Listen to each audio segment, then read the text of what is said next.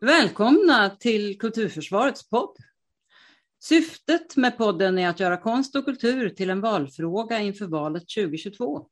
Jag som leder samtalet heter Ulla Bergsvedin, är frilansande skådespelerska, kulturdebattör och grundare av Kulturförsvaret.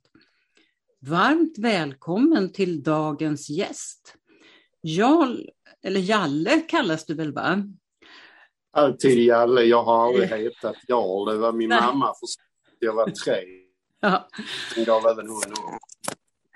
Då säger vi det. Jalle Lorentzon, ordförande mm. i Kulturskolerådet, lärare i svenska och religionskunskap och kulturskolechef i Malmö stad.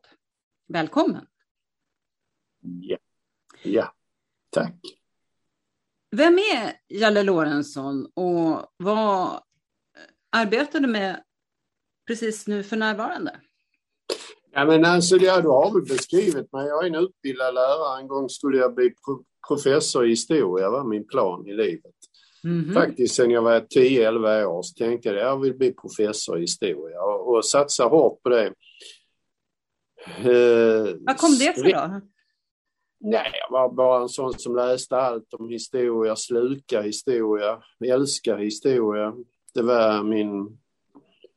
Ja, det var det jag, sån jag var. Det var min bror som var musiker. Själv var jag inte mycket till musiker, eh, tyckte jag. Utan han hade rockband i källaren i vår villa ute på Rosengårdsstaden, som det hette på den tiden i Malmö, som är villaområden utåt det område där man sen utanför det byggde det som heter Rosengård.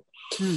Uh, och där hade vi i källaren en massa rockband och det växte jag upp med som en naturlig inslag i livet att det sprang en massa rockkillar och tjejer i källaren. Mm. På den tiden var det tyvärr så att tjejerna mest tittade på och killarna spelade. Mm. Jag tyckte det där var hemskt spännande men det var inte min identitet. Min identitet var att läsa historia. Mm. Så är det. Mm. Först på gymnasiet jag började spela och då började jag spela munspel. Mm. Just det. Men ska vi prata om det, det ska vi återkom Nej, det återkommer vi till lite senare. Utan Men... vad jag gör nu är ju att jag är chef för Malmö kulturskola och kulturskola är inte alltid ett känt begrepp ens i kultursverige. Det är lite diffust det där. Och alla känner till den gamla kommunala musikskolan och så är det alltid någon som hojtar blockflöjt. Det var där man spelade blockflöjt. Mm. Men den är borta i stort sett. Det vi har av blockflöjt är väldigt roligt och vi har några hundra barn som spelar i, i, eh, i Malmö vad det gäller blockflöjt. Men för sig 20 år sedan så var det 4 000 barn som spelade varje år blockflöjt. De mängderna barn är det inte. Så blockflöjten är väl på väg ut ur kommunala musikskolan på många ställen. Annars hade man det som ett sätt för att lära barnen noter och sådär. Utan vi har, har en kulturskola, där har vi alla möjliga ämnen som teater, dans, film, animation, bild och förstås en väldig massa musik. Serie typ också. Och det är det jag gör nu för att sätta detta på, få igång detta. Sen har jag blivit så engagerad i detta så jag har suttit i en riksstyrelse där de olika kulturskolorna har samlat sitt nätverk som heter Kulturskolerådet. Där har jag suttit i en styrelse i många år, sedan 2019 är jag ordförande i den styrelsen. Just det, och det ska vi också återkomma till. Mm. Men först så ska jag fråga, varför Anser du att det är viktigt att föra in konst och kultur i debatten inför valet 2022? Jag tror det är viktigt för Sverige. Mm. Eh, därför att konst och kultur så här över gatan där sitter nu ett av Sveriges största spelföretag, eh, Massive. Som gör en massa spel som säljs över hela världen. Det är en stor exportindustri. Och de som sitter där har en gång börjat för att de är intresserade av bild eller av film eller kanske av musik, de som gör ljudet. Det börjar med ett estetiskt uttryck som sen tar sig en form som just nu går att sälja som dataspel. Men det där det är ju det nya sättet att exportera och, och växa. Om vi ska prata om bara hard facts så, så är det estetiska uttrycket det viktiga idag. Den tid är förbi när vi i Sverige kunde leva på våra råvaror, sälja pälsar eller sälja skog eller sälja järnmalm. Det, vi, där finns andra länder och vi är inte heller i det skedet längre att vi kan förädla de varorna. För vi är ändå för dyra i det. Utan det vi kan göra som vi är duktiga på i det här landet, det är att använda vår kreativitet. Sverige kommer högst i topp när man gör undersökningar, vilket är världens mest kreativa land. Där ligger vi i topp, man pratar sällan om det. Men det är ju helt avgörande variabler idag. Om, om, om du som land ska vara med och tävla mot ett land som Kina som varje år får lika många nya civilingenjörer som vi har totalt i Sverige. Så får de lika många nya varje år. Det säger sig själv att ska vi vara med så ska vi vara med på någonting där vi har försteg. Och det är bland, bland annat ibland det estetiska. Syns i spelbolagen. Alltså nu menar jag inte de som spelar betting och sånt Nej. och tipsvinster utan jag menar dataspelsföretag. Syns i musiken där vi har en stormaktsposition. Och kanske också lite grann i rörlig bild, va? men inte lika mycket som kanske Danmark. Det där kan inte jag, så det ska jag inte ge mig in på. Nej. Men, mm. Nej, men jag ja. tror att det kommer ganska mycket också när det gäller film. Ja. Och tv-serier. Och, och vad är det som säljer idag? Om du ska sälja en mobiltelefon, inte är det bara funktionerna utan det är design. Idag är mm. design så enormt viktigt. Design, då är du inne på estetik. Mm. Hur någonting ser ut, hur någonting låter, hur någonting känns. Den är tung idag. Förbi är den tid då vi kunde leva på stål och, och skog. Du jobbar ju... Och det, det, jag bara säga det, ja? jag är själv från Malmö. Det är en industristad. Det, det, det, säger alla. Ja, men Malmö är en industristad. Det var det också när jag växte upp. Nästan 9 av 10 jobbar inom industri. 8,4 människor mm. jobbar inom industri när jag var 10 år gammal. Vi hade världens största eh, produktion av varv, av, av tonnage inom eh, båtnäring, varvsnäring. Eh, men eh, idag är vi nere på 10 procent mindre än 10 procent jobbar med industri i den här staden. Det är så en enorm förändring i hur, hur världen ser ut. Och hänger vi inte med där så är vi körda. Eh, ska vi gå tillbaka till det här med Kulturskolerådet? Kan du mm. berätta lite vad det är och vad ni gör? Ja, men någon gång under 90-talet så märkte man att kulturskolans position i landet började sjunka tillbaka storhetstiden kan man nog säga var, det var en storhetstid var på 80-talet. Sen sjönk volymen under lågkonjunkturen som inträffade med, med börskraschen 87-88 och sen fick det här i Sverige dröjde det innan det fick svåra följdverkningar för, för offentlig verksamhet. Det var först på 90-talet det kom en, det var en fördröjd effekt. Och då eh, började det sjunka eh, med antal barn i, i kulturskolan, i musikskolan. Så att 75 procent av barnen fanns kvar någonstans efter lågkonjunkturen. 25, alltså en fjärdedel försvann rent nominellt i, i numerär. Det är ju rätt så drastisk försämring mm. av en av barnkultur. Alltså var fjärde barn föll bort. Och då börjar man säga att vi borde nog prata med varandra i kommunerna. För kultur, musik och kulturskolor det är, det är kommunerna som är huvudmän.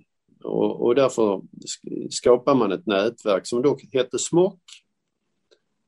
Många känner igen det som SMOK.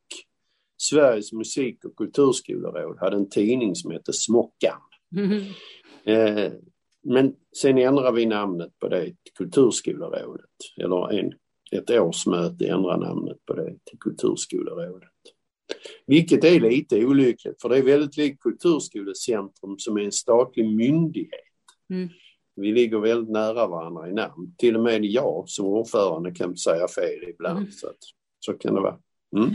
Men var Kulturskolan organiserad på samma sätt redan från början Eh, som den är nu? Alltså var det, var det på samma sätt med, med att den, den var helt fristående och med avgifter och så vidare? Har det alltid varit likadant? Alltså den har växt fram på lite olika sätt under 30-talet. Började den dyka upp på olika sätt. En del var det ute i skolorna, helt vanliga skolor där musiklärarna inte hade full tjänst som började ta betalt för privatlektioner på, på, på musikinstrument. Eh, någon annan gång var det någon teaterförening som bildade någonting. Och så blev de en del av en kultur, som vår teater i Stockholm till exempel, mm. som är jättekänt.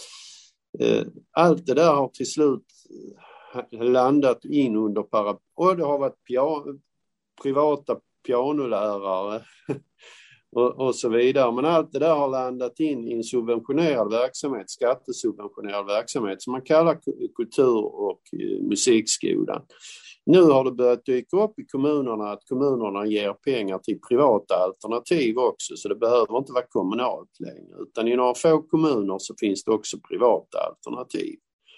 Staffanstorp, Lund, Österåker, Nacka, några till. Eh, så har man så att pengarna går inte till en kommunal variant bara, utan också till privata aktörer. Mm -hmm. Men, och det är en rätt så nytt fenomen. Mm. Kommit de senaste åren. Och då tas de medlen på samma sätt som när det gäller skola och vård och omsorg. Då tas det från ja. de kommunala medlen så att säga. Ja, precis. Ja. Så att eh, där barn och föräldrar väljer att gå, där, dit hamnar skattemedlen. Mm. Så som det är inom friskolevärlden eller inom äldrevården eller något sånt där. Och där är olika åsikter om det. Eh, som ordförande så företräder jag alla kulturskolor, vill jag mena. Både privata och kommunala. Okej, okay, så de är också med i, i kulturskolerådet? Ja, då, jag har med dem kulturskoledagar. Inte alla av dem, men en del kommer. Mm. Och där är många goda representanter i det eh, som, mm. som brinner för barnkultur. Och där finns väl också sådana som, som jag tycker Alltså, men det finns det kommunala med som jag inte tycker fungerar så bra mm. jag ska så att Det där har nog inte med varandra att göra helt och hållet, alltid. Mm. Känsligt ämne det här i vår bransch kan jag tala om. Mm. Jo, men det är väl klart, det är väl som inom alla de områden där det har börjat komma mm. privata mm. Alternativ. Det beror väl på vad det finns för förtecken. Mm. Helt enkelt. Eh, men det som, är, det som är viktigt för mig som ordförande i Kulturskolerådet, jag har inte fokus på hur man gör Nej. bra barnkultur. Jag har fokus på att man gör bra barnkultur. Att mm. barn och unga får det bra. Det är mm. hela mitt fokus. Exakt hur man gör det, vilken organisation man väljer. Då har vi ju sett, det finns ju privata alternativ som har för dåliga avtal för lärarna, som har för dåliga Eh, förutsättningar för att skapa god kultur och då håller inte jag tyst om det. Då säger jag det här håller inte. Mm. Men det kan man se också inom kommun, kommunala ibland att, att hallå här kan man inte göra lite mer för alla de miljonerna ni får. Sen är det inte min uppgift att åka omkring och bedöma kommuner. Det gjorde man lite mer förr, det gör inte jag. Utan, eh, men min åsikt är att använd skatte, varje använd, felaktigt använd skattekrona är stöld, sa en gång Gustav Möller, socialminister på 30-talet. Mm. Och det är, det är mitt mantra också. Varje felaktigt använd skattekrona är, är stöld. Mm. Så, och vi som får de ynka pynka pengar vi får till barnkultur, de ska vi hålla hårt i och använda så effektivt vi bara kan. Och helst utöka tänker jag. Mm. Ja, ja, vi ska ha ännu mycket mer. Mm. Ni, ni har ju en väldigt fin vision, Kulturskolerådet, att eh, alla barn och unga har likvärdiga möjligheter att utvecklas genom kulturutövande i verksamhet av hög kvalitet och tillgänglighet. Och, ja, vi, eh, vill att, ska vara så. Vi säger inte Ja. att det är så. Nej, det är vision. det. Ja, det är vision. Eh, och sen har det ju kommit då en undersökning som visar att 80 procent av barnen i kulturskolan kommer från hem där föräldrarna är högskoleutbildade. Ja. Och då, då, då tänker jag att jag har i alla fall inte riktigt sett att det finns nå- något politiskt parti som, som har lyft den frågan om att, det, att, att några åtgärder för att eh, utjämna det här. För menar, skolan ska ju ha en kompensatorisk uppgift. Men konst och kultur har i stort sett försvunnit i skolan som obligatoriska ämnen och då, då lär ju leda till att klyftorna ökar. Hur, hur, hur tänker du kring detta? Och hur diskuterar ni i Kulturskolerådet? Tänker jag? Det här är en fråga som jag är besjälad av. Mm. Kan jag lugnt säga. Jag jag, kom, jag kom för drygt tio år sedan till kulturskolebranschen utan att egentligen känna till den. Och jag blev förvånad över den slagsida som fanns mot de välbeställda barnen och ungdomarna. För det, det, man kan tala om en slagsida. Eh, Det gäller även den kommun jag själv blev chef i. Eh, Och, och jag var förvånad över att man inte pratar mer om det. Men anledningen till att man inte har gjort det är att man tycker man har ju fritt val, vem som helst får söka. Men Mm. om man bara går ut med en liten annons eller har en hemsida eller något sånt där så finns det en viss typ av föräldrar som letar upp det där som själva har gått i musikskolan och som har det med, med sig att det där är bra för barn när de är 8, 9, 10. Då ska de börja spela ett instrument eller vara med i en teatergrupp eller något sånt där. Och jag tyckte det var sorgligt därför Mm. att tänk vad kultur kan göra i områden där det inte finns så mycket alternativ. Där Mm. kanske inte golfen och ridning är något alternativ. Och framförallt inte heller fotboll, tror man gärna. Mm. Att fotbollsklubbarna är som störst i Rosengård i Malmö eller så. Det är de ju inte. Det är inte sant. Ju. Utan, även det, även idrotten tenderar att gå allt mer och mer att bli ett medelklassfenomen. Det finns undersökningar som visar det. Ännu, I ännu högre utsträckning än vad kulturskolan. Vilket gör det ännu sorgligare dessa siffrorna. Så jag, både som chef och som ordförande i Kulturskolerådet så är det här en fråga som jag är helt besjälad av. Jag tycker detta är så avgörande för ska vi vara skattesubventionerade, att, att, att medborgarna i kommunen kommun säger det här är viktigt för hela vår kommun, så får vi faktiskt också göra oss viktiga för hela kommunen. Och i, I mitt eget fall så tittar jag på vad handlar detta om? Det handlar bland annat om kommunikation. Föräldrarna som kommer från andra länder är inte uppväxta kanske med en tradition, för det är en rätt nordisk företeelse att alla ska få spela ett instrument. Mm. Det är i de nordiska länderna det är stort. Jag åker ibland på musikkonferenser i Europa.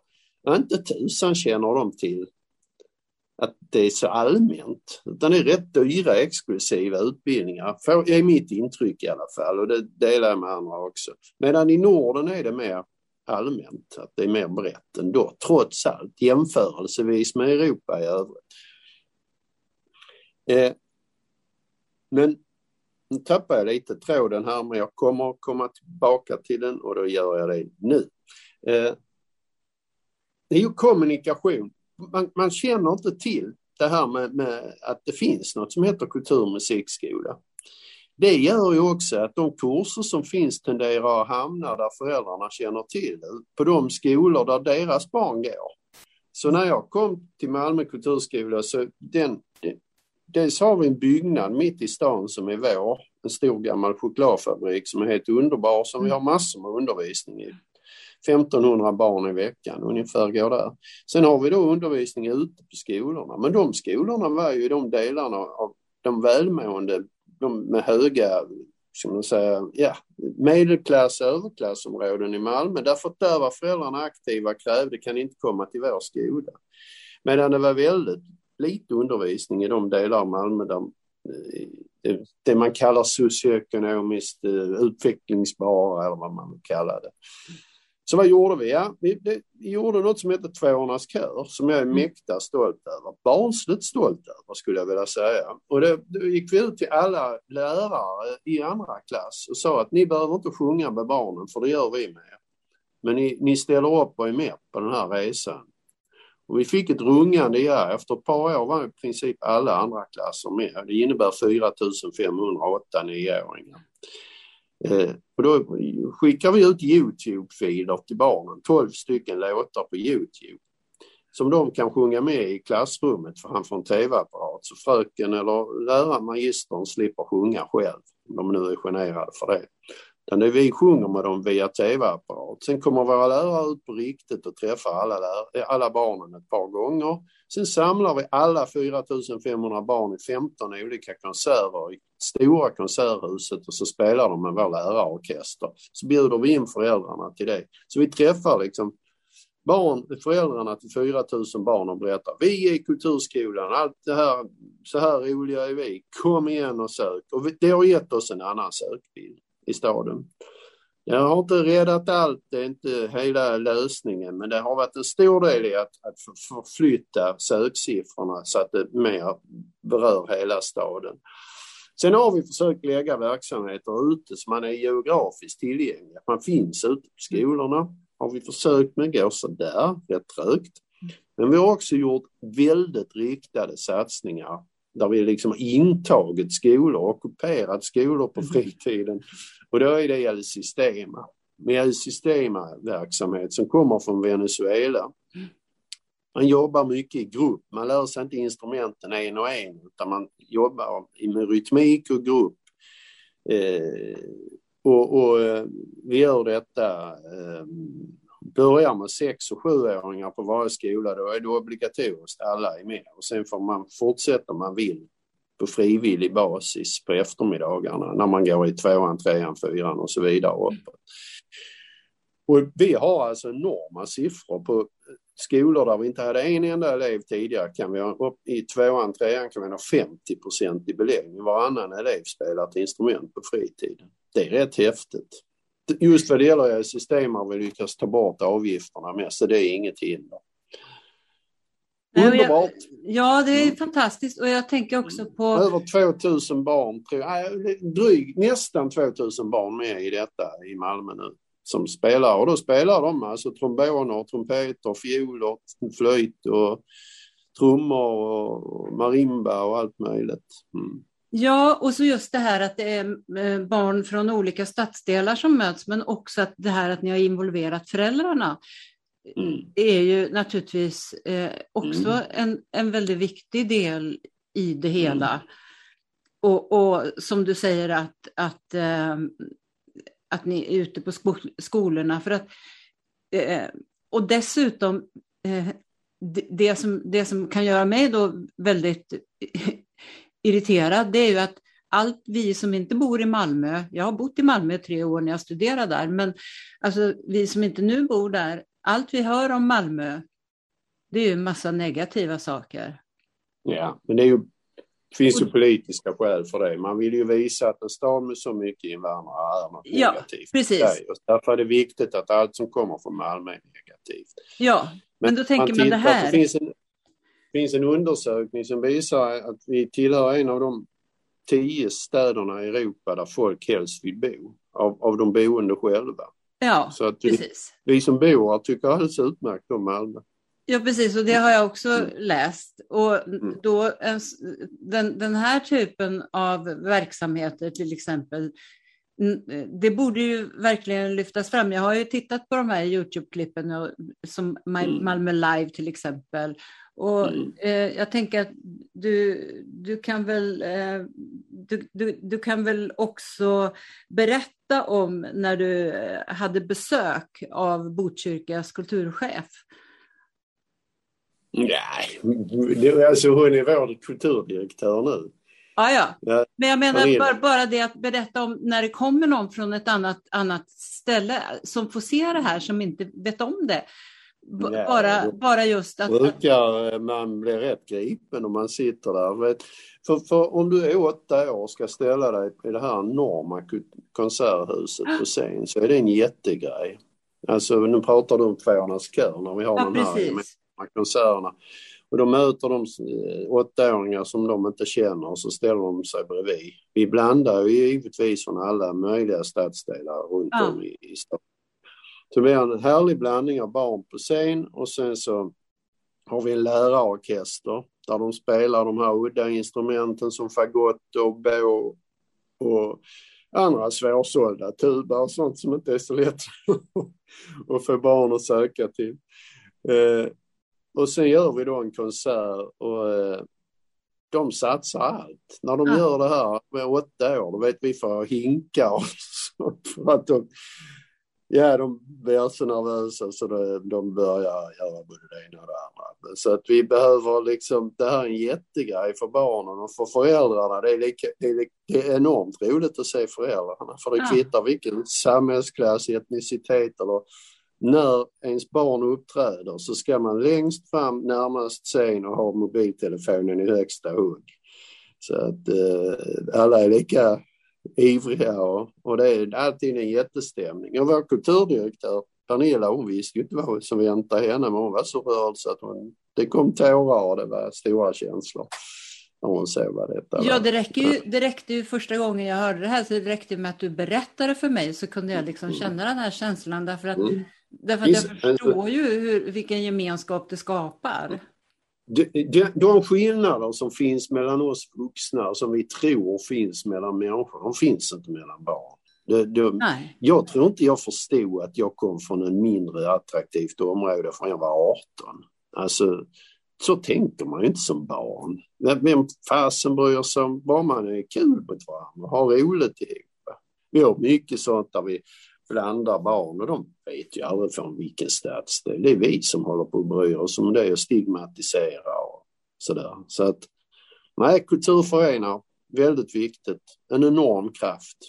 Ja, Mm. och de, Mm. de eh, Youtube-klippen Och- kan och man gärna pratar- titta på. Sen, sen ska vi ju alltid för att så är det ju när vi pratar kultur och du vill föra fram kultur inför valet så ska vi hitta andra vinster av kulturen, kulturen i sig. För mig är egentligen kultur, det räcker med att det är kultur, att man får en kulturell upplevelse så, så är det livet självt. Jag kan inte leva utan musik eller teater utan det där när det gungar till inom mig av en tavla eller vad precis det som helst. Jag förstår inte varför det egentligen ska generera andra vinster än det.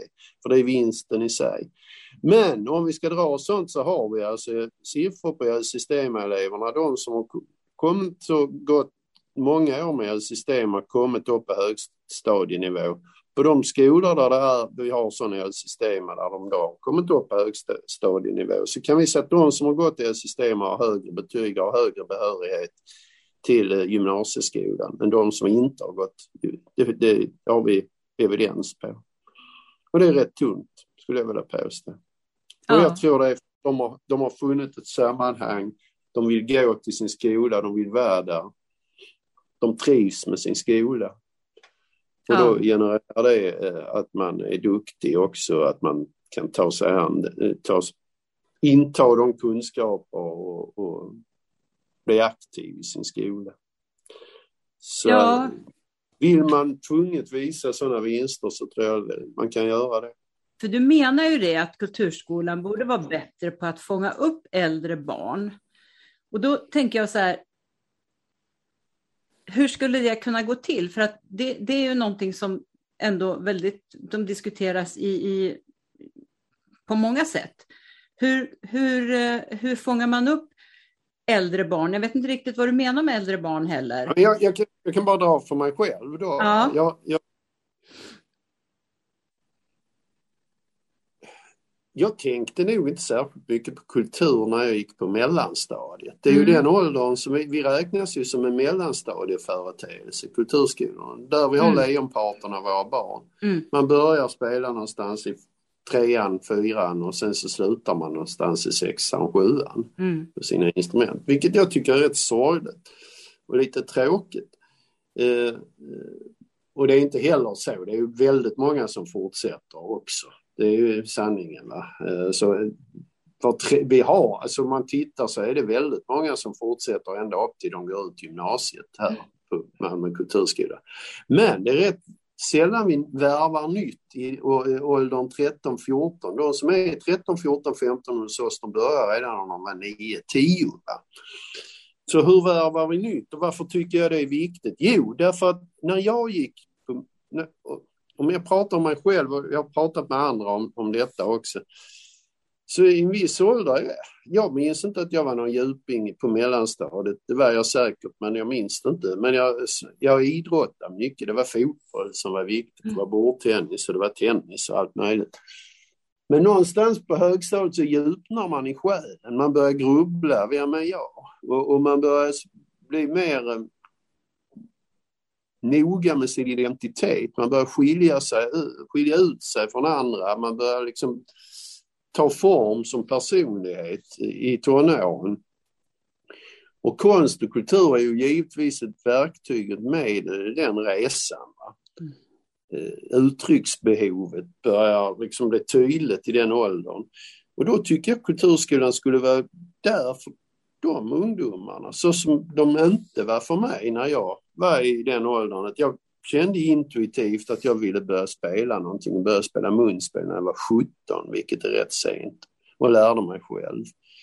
Eh, men och vi, vi har testat en del så här där vi går ut och medvetet vänder oss mot och till vår förvåning så har vi haft rätt stor framgång med en del satsningar. Vi behöver inte prata om alla satsningarna, men en del, en del satsningar har blivit väldigt eh, lyckade. Vi kört med graffitimålning.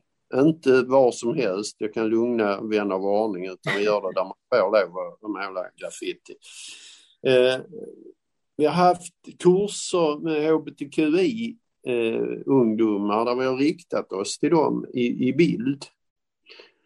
Det gjorde vi i våras. Eh, så har vi tänkt att köra med riktning hbtqi samtalsgrupp, målning, bild, alltså där vi samlas kring det, där vi känner för att prata om de frågorna och också uttrycka oss konstnärligt i bildkonst i det.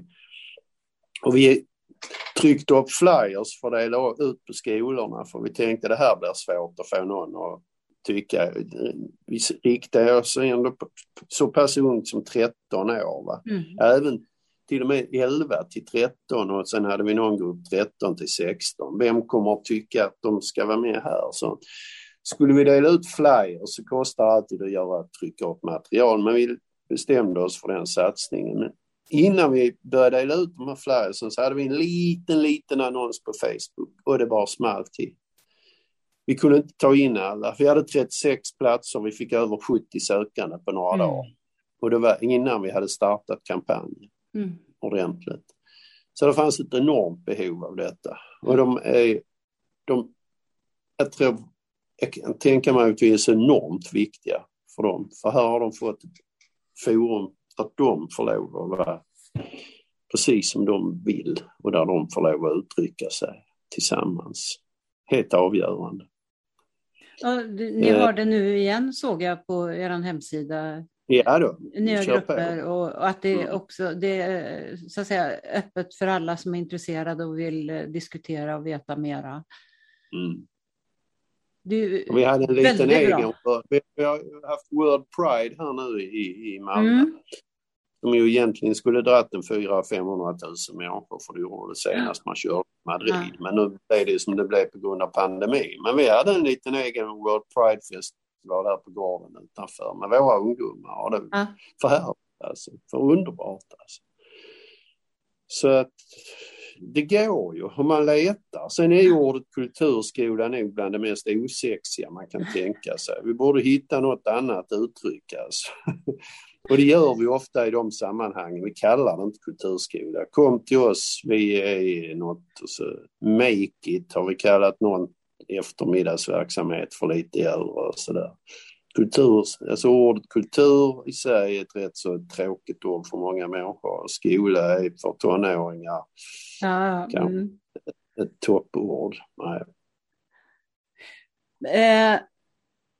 Många gillar ju musik, men frågar man vad tycker du om kultur? Nej, men musik, det, ja, det. det blir lite konstigt, men, men så är livet. Ja.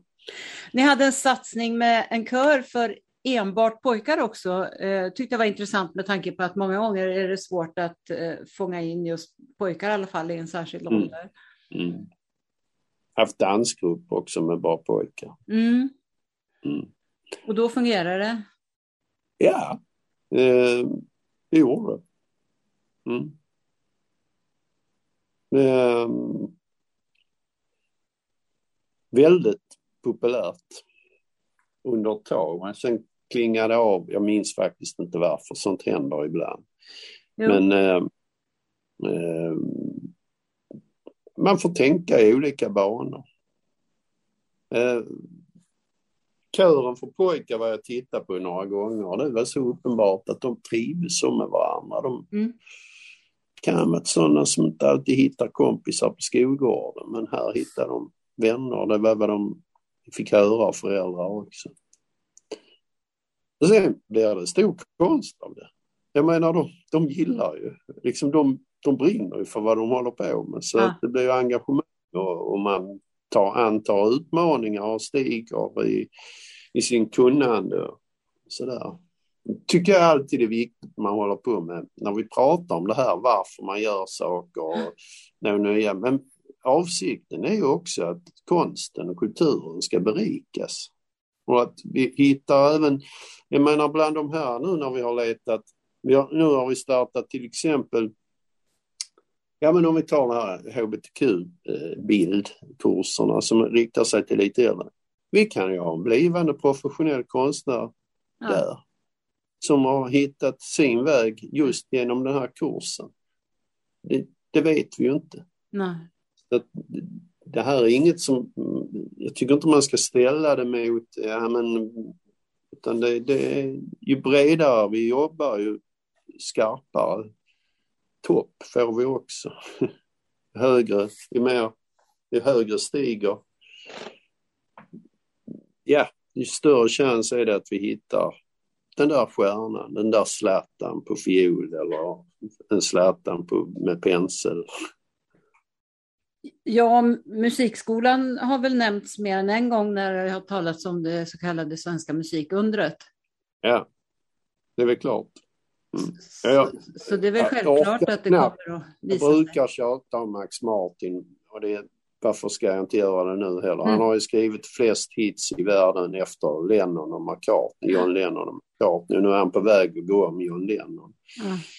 Eh, och han kommer från Stenhamra musikskola där han, någon lärare var ute i klassrummen och visade blåsinstrument han fastnade för valthorn och började spela valthorn. Hade kommit från en familj som inte alls höll på med musik utan via valthornet så fann han då, kom han in i musikens värld.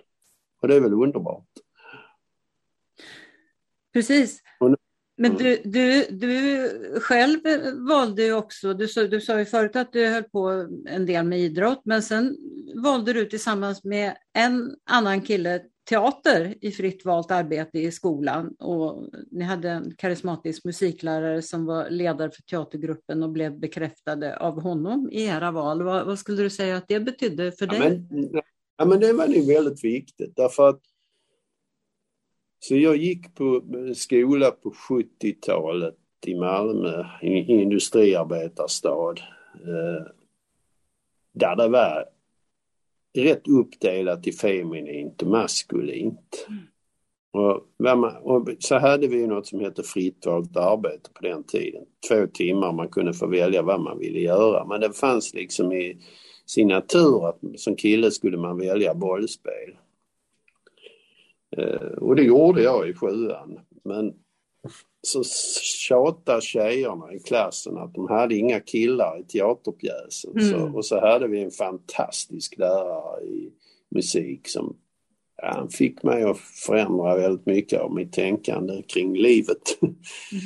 och han eh, övertalade oss till att spela teater efter. Jag minns inte att vi, jag tror inte vi blev mobbade, men, det, men jag hade nog något inre motstånd först. Kan man göra det? Vi ska väl spela boll liksom. Vi var inte mobbade eller något sånt där. Nej, det var vi inte. Utan det blev teater och det var ju en kick. Va? Alltså då förstod jag att det är på scen jag ska stå. Då, då, är jag, då mår jag bra. Så att det ena ledde till det andra. Hela det sammanhanget, det var ett kreativt gäng som samlar sig för en väldigt viktig premiär och spänningarna kring det och sånt. Jag bara älskar hela det sättet att leva. Och så har jag ju levt rätt mycket i mitt liv. Du, du, nämnde det förut att du lärde dig att spela munspel och, och, du gjorde det själv så sent som när du var 17 år. Eh, mm. Du fick ju inspiration från ett speciellt håll. Ja, menar du Peps Pers? Ja. Ja, ja. Nej, vi, vi hade sommarstuga i Körnarp. Peps är från Körnarp. Peps var ju gud då i, mm. i Sverige på munspel och, och um, jag visste inte vem han var. Jag var för liksom 14, 15, jag var inte där riktigt. Men jag köpte en skiva bara för att han var från Körnarp. Och sen när jag hörde på det så blev jag helt förälskad. Det var liksom mitt livets ljud. Så ska livet låta, så som ett munspel låter. Så köpte jag, det som var bra med Peps var att han nästan bara spelade i, i, med G-munspel och C-munspel. Så det var det var inte så dyrt att köpa ifatt honom. så jag köpte två munspel då. Så jag kunde, för jag, jag, på något vis hade jag någon kompis som lärde mig det här med tonarter. Det är en poäng i att spela i samma tonart som de andra gör i låten. Och så så att jag, jag fick ihop lite och att man spelar i samma takt. Det tog ett tag innan jag fattade det. Men till slut fattade jag även det. Och, och sen gav det ena och så stod jag alltså hela gymnasietiden så stod jag två, tre timmar om dagen framför stereon och övade de här eh, lixen. Och trodde att jag kunde spela och var rätt övertygad om att jag spelar ungefär som Peps. Men idag förstår jag att det lät nog inte riktigt likadant. Mm. Men det lät ju ändå tillräckligt bra för att du skulle bli munspelare i ett av Sveriges mest kända rockband. Ja, sen från gymnasiet så hade vi julspex där och det, det, var också en sån där att man fick stå på en scen och, och bli lite populär bland de andra på gymnasiet. Det var häftigt. Och sen gav det ena det andra. Sen så var vi ett gäng från gymnasiet. Jag hade gått ut då men, men de, det var ett par som gick kvar som var ett par år yngre och då blev vi Wilmer X. Ja. Som har nu funnits i drygt 40 år och turnerat runt. Och något som jag älskar och som har ja, varit mitt liv till stora delar. Ja, och du, du kombinerade som många musiker ditt musikerliv med att vara lärare under ganska lång tid? Ja, jag hann ju, innan Wilmer X tog fart kommersiellt så hann jag bli färdig lärare.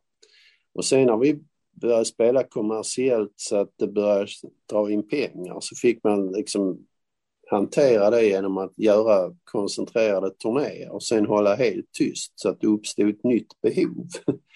under den tiden vi inte turnerade eftersom vi inte hade utlandskarriär eller något sånt där utan det bara var Sverige så var det ju rätt många långa perioder där man inte tjänade pengar och heller hade rätt tråkigt. Så då jobbade jag som lärare och trivdes alldeles utmärkt med det och sen kom jag in i organisationen Malmö stad via det och sen slutade med att jag blev kulturskolechef. Så att det ena gav det andra. Men det är väl en väldigt bra... Nästan, nästan, utom de allra största låtskrivarna så är det flesta jag känner har liksom lite olika jobb och så är man musiker. Det är rätt tufft att bara leva på musik. Ah. Särskilt sen de kramade, eh, ställde till det med a-kassesystemet så har det blivit ännu värre. Precis. Ja. Verkligen. Men för mig är historia sedan 80-talet, det var väl där jag gick på a-kassan lite grann. Mm. Mm. Så har det varit ett viktigt bidrag till kulturen i, i Sverige, helt övertygad. Absolut. Mm. Men du, du har ju inte bara spelat med Wilmer X, du har ju till och med spelat med Roxette. Ja, och är vi där och pratar om sånt? Ja, Roxette har jag spelat med på äh, låten Dangerous som blev tvåa på Billboard-listan men faktiskt USA-etta på Cashbox-listan. Så jag kan säga att jag har varit med på en USA-etta. Gör 13 sekunder långt solo. Det roliga är att det tog 35 år men nu börjar faktiskt stimpengarna, eller samipengar heter det, trilla in småskvättar i alla fall. Men, till 35 år men nu börjar jag se lite pengar för dem. Men det kvittar väl med pengarna men det var enormt roligt att vara med i ett sådant sammanhang. Och det berodde på att Wilmer X och Zet låg på samma skivbolag så vi gick i samma korridorer där i studion och pratade med varandra.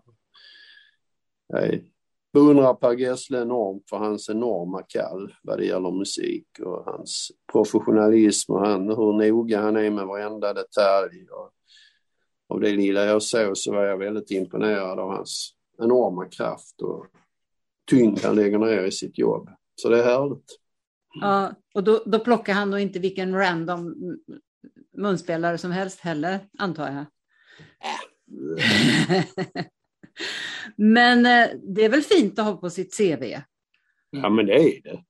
Det har stigit också på något vis. Det, det är rätt häftigt att kunna slänga in. Ja, så det, säger man i ena munnen, ja så är det med Roxette. Sådär. Så det kan det vara rätt kul. Man ska vara lite stolt. Jag känner en som har levt 25 år på sin eh, musik i USA. Och där har man ju ett helt annat sätt. Skulle man ha varit med på en USA-etta så skulle det liksom vara det första man säger till folk. Ja. Han, han är sån va, att eh, han framhåller, han liksom menar att vi inte är stolta nog i Sverige. Ja. Det är, och det, det, det, det är någonting, jag, vi har delat ut något som heter Fjälli-stipendiet, jag ska inte fördjupa mig i det, men det är en gitarrist, gitarrhjälte från 90, 80, 70, 80, 90-talet i Malmö som spelar med alla de stora. Vi delar ut ett stipendium till just de där musikerna runt om som inte är så kända. Ja. Men som utan dem så skulle liksom hela kultur, eh, nöjes-Sverige stanna på fredag och lördagskvällar på rockklubbar och musikställen och sånt. Ja. Om det inte fanns de där som köpte strängar för sina sista pengar och brydde sig om hur bastrumman faktiskt låter och kör 40 mil från spelning och har, kommer hem med 800 kronor. Mm. De där finns. De är, jag känner väldigt många av dem. Och de är enormt viktiga för det här landet men de får ju väldigt lite ära. De finns i USA med men de har en annan svansföring i Ah, USA. De, de, de vet att de är hjältar. Ja. Det, vi ska inte gå och huka. De där som tjänar 800 spänn och spelar väldigt bra, res på er, sträck på er och säg att ni är kungar. För det är ni. Ja, alla studiomusiker och kör, Till exempel. körsångare. Någon sorts musiker jag inte beundrar längre. Även dansbandsmusiker har jag lärt mig förstå att det där Mm. är inte så lätt att stå och spela 4 gånger 45 och faktiskt få folk på dansgolvet och spela i takt och spela rätt. För folk hör när det är dåligt. Oh, ja. Så att till och med dansbandsmusiker har fått min respekt. Det tog en 40 år men nu är jag där. Mm. Mm. En annan fråga här som vi också behöver prata om, tänker jag, är statusen för estetiska ämnen i skolan. Mm. Den har sänkts. Eller vad vi ska säga. Vad, vad tänker Ja, du om kan det? nog säga. Ja, kan man nog säga. Jag, jag brukar... Alltså det behövdes göras någonting med svensk skola och en hel del gjordes som pekar i rätt riktning. Statusen för yrk, läraryrket generellt håller på att höjas genom att man tvingat fram det här med lärarlegitimation, vilket kräver att ska du sätta betyg måste du ha lärarlegitimation. Och det innebär att rektorerna har fått börja leta efter riktigt utbildade lärare. Innan kunde de anställa vem som helst. Eh, och eftersom de är svåra att få tag på så åker lönerna upp drastiskt just nu. Det är en enorm löneglidning inom läraryrket och det tycker jag bara är bra. Jättebra. Och det säger jag som är chef för lärare och måste betala det med min budget. Men jag tycker det är jättebra. Sen är det just kulturskolan lite annat än vanlig skola. Vi sätter inte betyg så vi har inte just det betyg. Problemet med lärarlegitimation. Men eh, det är bra. Eh, däremot tog man ju bort eh, bild och musik som kärnämnen på eh, gymnasiet. Tyckte jag var väldigt olyckligt. Gjort det svår, mindre attraktivt att utbilda sig i de ämnena. Eh, krympande arbetsmarknad där. Och jag tycker det är synd därför att ehm, ja, vi pratade om det i början av det här, att framtidens näringsliv behöver estetiskt kunniga medarbetare. Så är det. Det är, det är hur duktiga vi är på att få saker och ting att se attraktiva ut som avgör om vi säljer eller inte. Om man nu bara ska vara knallhård. Och det tycker jag vi kan vara tillbaka mot de som har tagit bort estetiska ämnen. De förstår inte riktigt att det här är viktigt i framtiden. Men det, det är ju det ena eh, och där tror, jag, där tror jag kanske man skulle kunna komma igenom eh, om, om, de, om de förstod det, så att säga. För att eh, det, det, handlar ju om ekonomi och det brukar, ju kunna, det, det brukar kunna slå, om man säger så. Men när det gäller den personliga utvecklingen mm.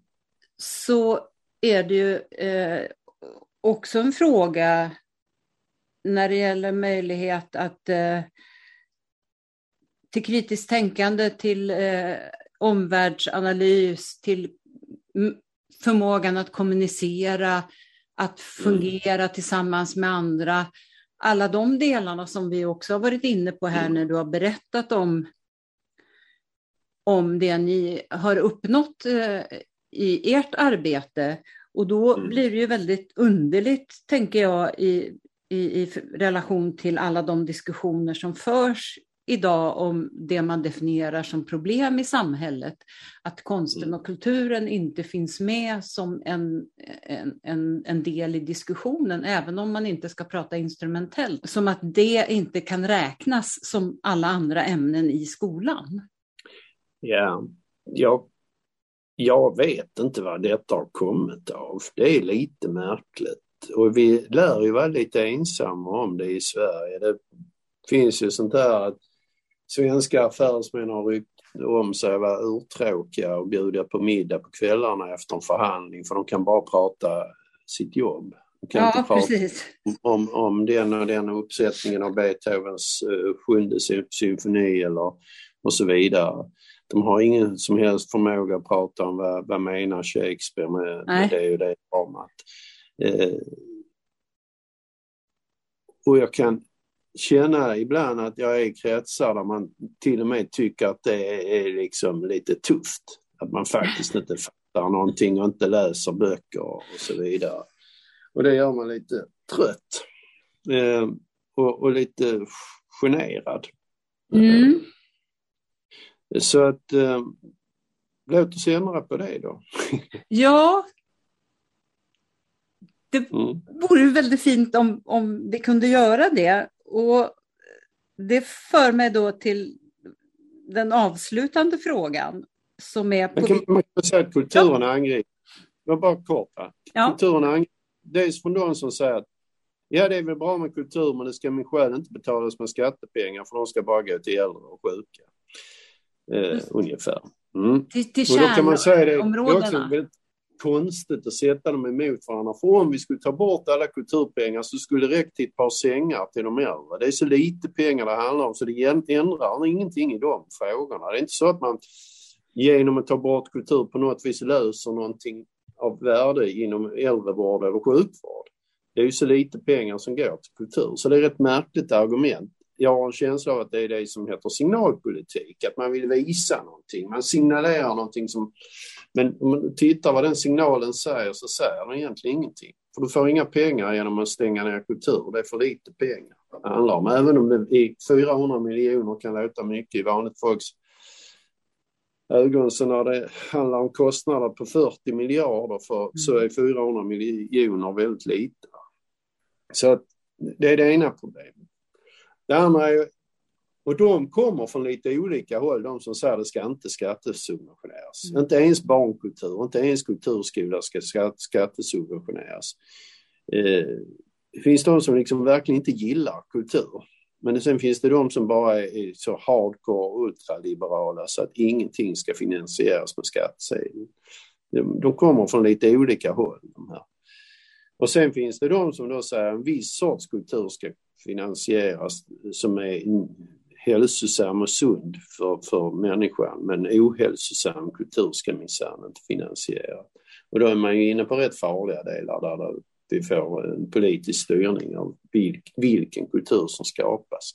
Där har vi ett Kulturen ska vara fri från politisk arms, arms, armlängds avstånd gäller mellan politik och konst. Ser du några sådana tendenser eh, när det gäller din verksamhet, att det finns de som vill styra? Nej, inte i Malmö kan jag inte säga. Nej, jag, jag kan inte säga att jag ser det i kultur, i barnkultur. Jag försöker tänka men jag kan inte riktigt komma på det. Nej. Det, det, det tycker jag inte. Då, det vill jag inte påstå. Jag kan också säga vad det gäller det, men kan någon tro här att jag pratar om vissa partier som något dåligt och andra partier som något bra. Men så fungerar det inte i praktiken. I praktiken är det så att kulturvänner finns i alla partier och kulturfiender finns i alla partier. Så är det. Det, det, det skär mellan partier, i, mitt igenom partier. Vilka som förstår värdet av kultur och vilka som inte gör det skulle jag vilja hävda. hävda. Jag, jag tycker min erfarenhet är att ofta de som är, har uppdrag som kulturpolitiker är det väldigt lätt att prata med nästan oavsett vilka partier det handlar om. Eh, och de har inte så de har ofta svårt att komma fram inom sina egna partier. Det är väl ungefär det du säger också. Jag kan till och med tycka att det känns lite som att sitta i kulturnämnden är inte lika fint som att sitta i gatunämnden. Mm. Jo, men det tror jag. Att det, är så. Det, det, man har tagit ett steg på karriärstegen och man går från kulturnämnd till en gatunämnd. Och ja. Det tycker jag är otroligt sorgligt. Det, det, precis det tror jag också, att det, det är en fråga om status. Det finns hierarkier inom detta va? och det, det, det är en sak vi måste ändra på. Ja. Vi får ta min kompis som har spelat i USA i 25 år som är helt kaxig för, för sina framgångar. Vi får vara lite tuffare. Lite kaxigare. Inte be om ursäkt och stå med mössan i hand. Förstår ni inte att vi gör något viktigt utan häng nu med på tåget innan det är för sent. Vi får köra den. Mm. Mm, jag är helt, helt med dig. Eh, och då, jag tror att det kanske kan föra in i nästa fråga som är den avslutande frågan. På vilket sätt och av vilka anser du att konst och kulturpolitiken bör debatteras inför valet 2022 så att det som står i alla de här vackert formulerade kulturplanerna blir tydligt att konst och kultur är viktigt för såväl samhälle som medborgare? För min egen del som ordförande i Kulturskolerådet så kommer jag avkräva varje parti ett nyanserat och fördjupat svar kring eh, det vi menar är avgörande nu, att vi får en lag som säger att alla kommuner ska ha en kulturskola. Vi tänker inte ge oss förrän vi får svar. Det är en konkret fråga. Vi vill ha svar. Eh, kulturen i övrigt tycker jag måste kulturrörelsen, vilka vi nu är, om vi kommer från teatern eller om vi kommer från musiken. Vi får inte komma i filt och tofflor, utan vi ska komma uppsträckta, rakryggade och kaxiga och visa att vi står för framtiden. Hänger ni med? Var är ni nu när tåget går? Ungefär så. Det är tonfallet.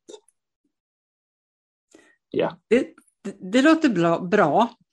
Och så med den glimten i ögat som du har nu mm. också, som, mm. inte, som inte alla kan se. Eh, bara en sista fråga. Hur många kommuner är det som saknar kulturskola? Usch, jag kan inte exakt just idag, men det ligger på 15 ungefär. Ja. Och det är ju nästan bara de allra minsta uppe i Norrland. Mm. Det kan nog behövas. Mm. Mm. mm. Stort tack Jalle för att du Bra. ville medverka. Ja, ja. härligt. Och tack för att ni lyssnade. Den som vill veta mer om kulturförsvaret och om kommande poddar kan gå in på kulturforsvaret.se. Poddarna hittar ni på sidan och där poddar finns. Om ni vill gå med i vår Facebookgrupp så är det bara att gå in och ansöka om medlemskap. Gruppen är öppen för alla som är intresserade av konst och kultur och tycker att det är viktigt att konst och kultur och fri press och media diskuteras på samma villkor som andra politikområden inför valet. Tack och på återhörande!